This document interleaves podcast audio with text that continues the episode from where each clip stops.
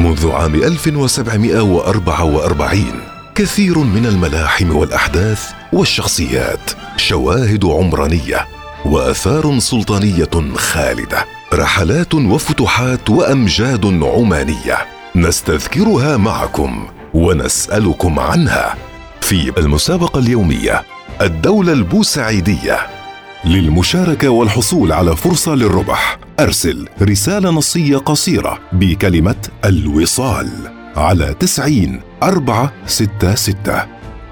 السلام عليكم ورحمة الله وبركاته. أهلا بكم مستمعين الكرام.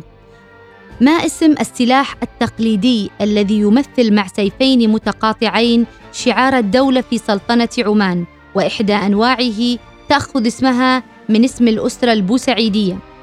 يعد الخنجر العماني جزء من شعار الدولة ورمزا لعزتها نظرا لأصالته وارتباطه بالتاريخ العماني منذ القدم استخدامه بجانب السيف في مقارعة الأعداء فكان سلاحا بارعا ورمزا خالدا. يتألف الخنجر من عدد من الأجزاء الرئيسة ومن أهم أجزائه القرن أو المقبض ويختلف من منطقة إلى أخرى وأغلى المقابض ثمنا تلك المصنوعة من قرن الزراف ومن أجزائه النصلة أو شفرة الخنجر وهي تختلف من ناحية القوة والجودة وتعد كذلك من محددات قيمة وأهمية الخنجر.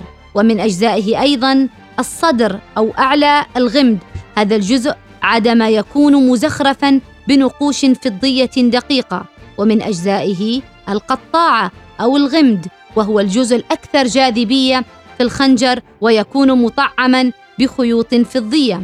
والخناجر العمانية لها أنواع وأسماء متعددة تختلف باختلاف النقش والتصميم وكذلك المنطقة التي صنعت فيها. فهناك الخنجر السعيدي وكذلك الخناجر النزوانية التي تتميز بكبر الحجم. وأيضا الخناجر الباطنية والسناوية والرستاقية وهي تحمل سمات مشتركة على اختلاف أنواعها.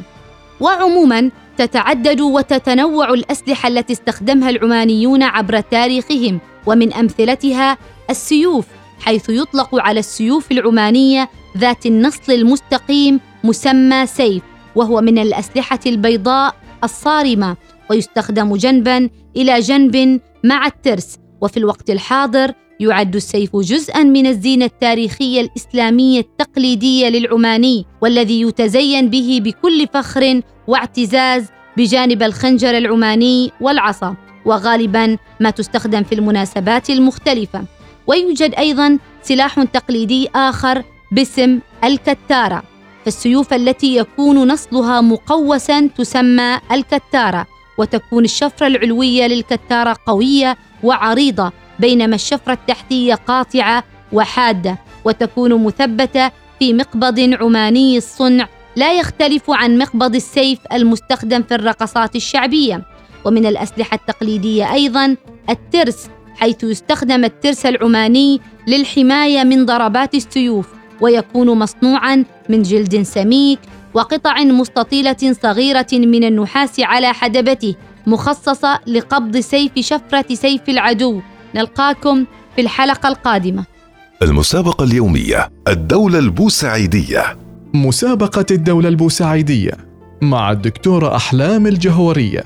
للمشاركة والحصول على فرصة للربح أرسل رسالة نصية قصيرة بكلمة الوصال على تسعين أربعة ستة ستة.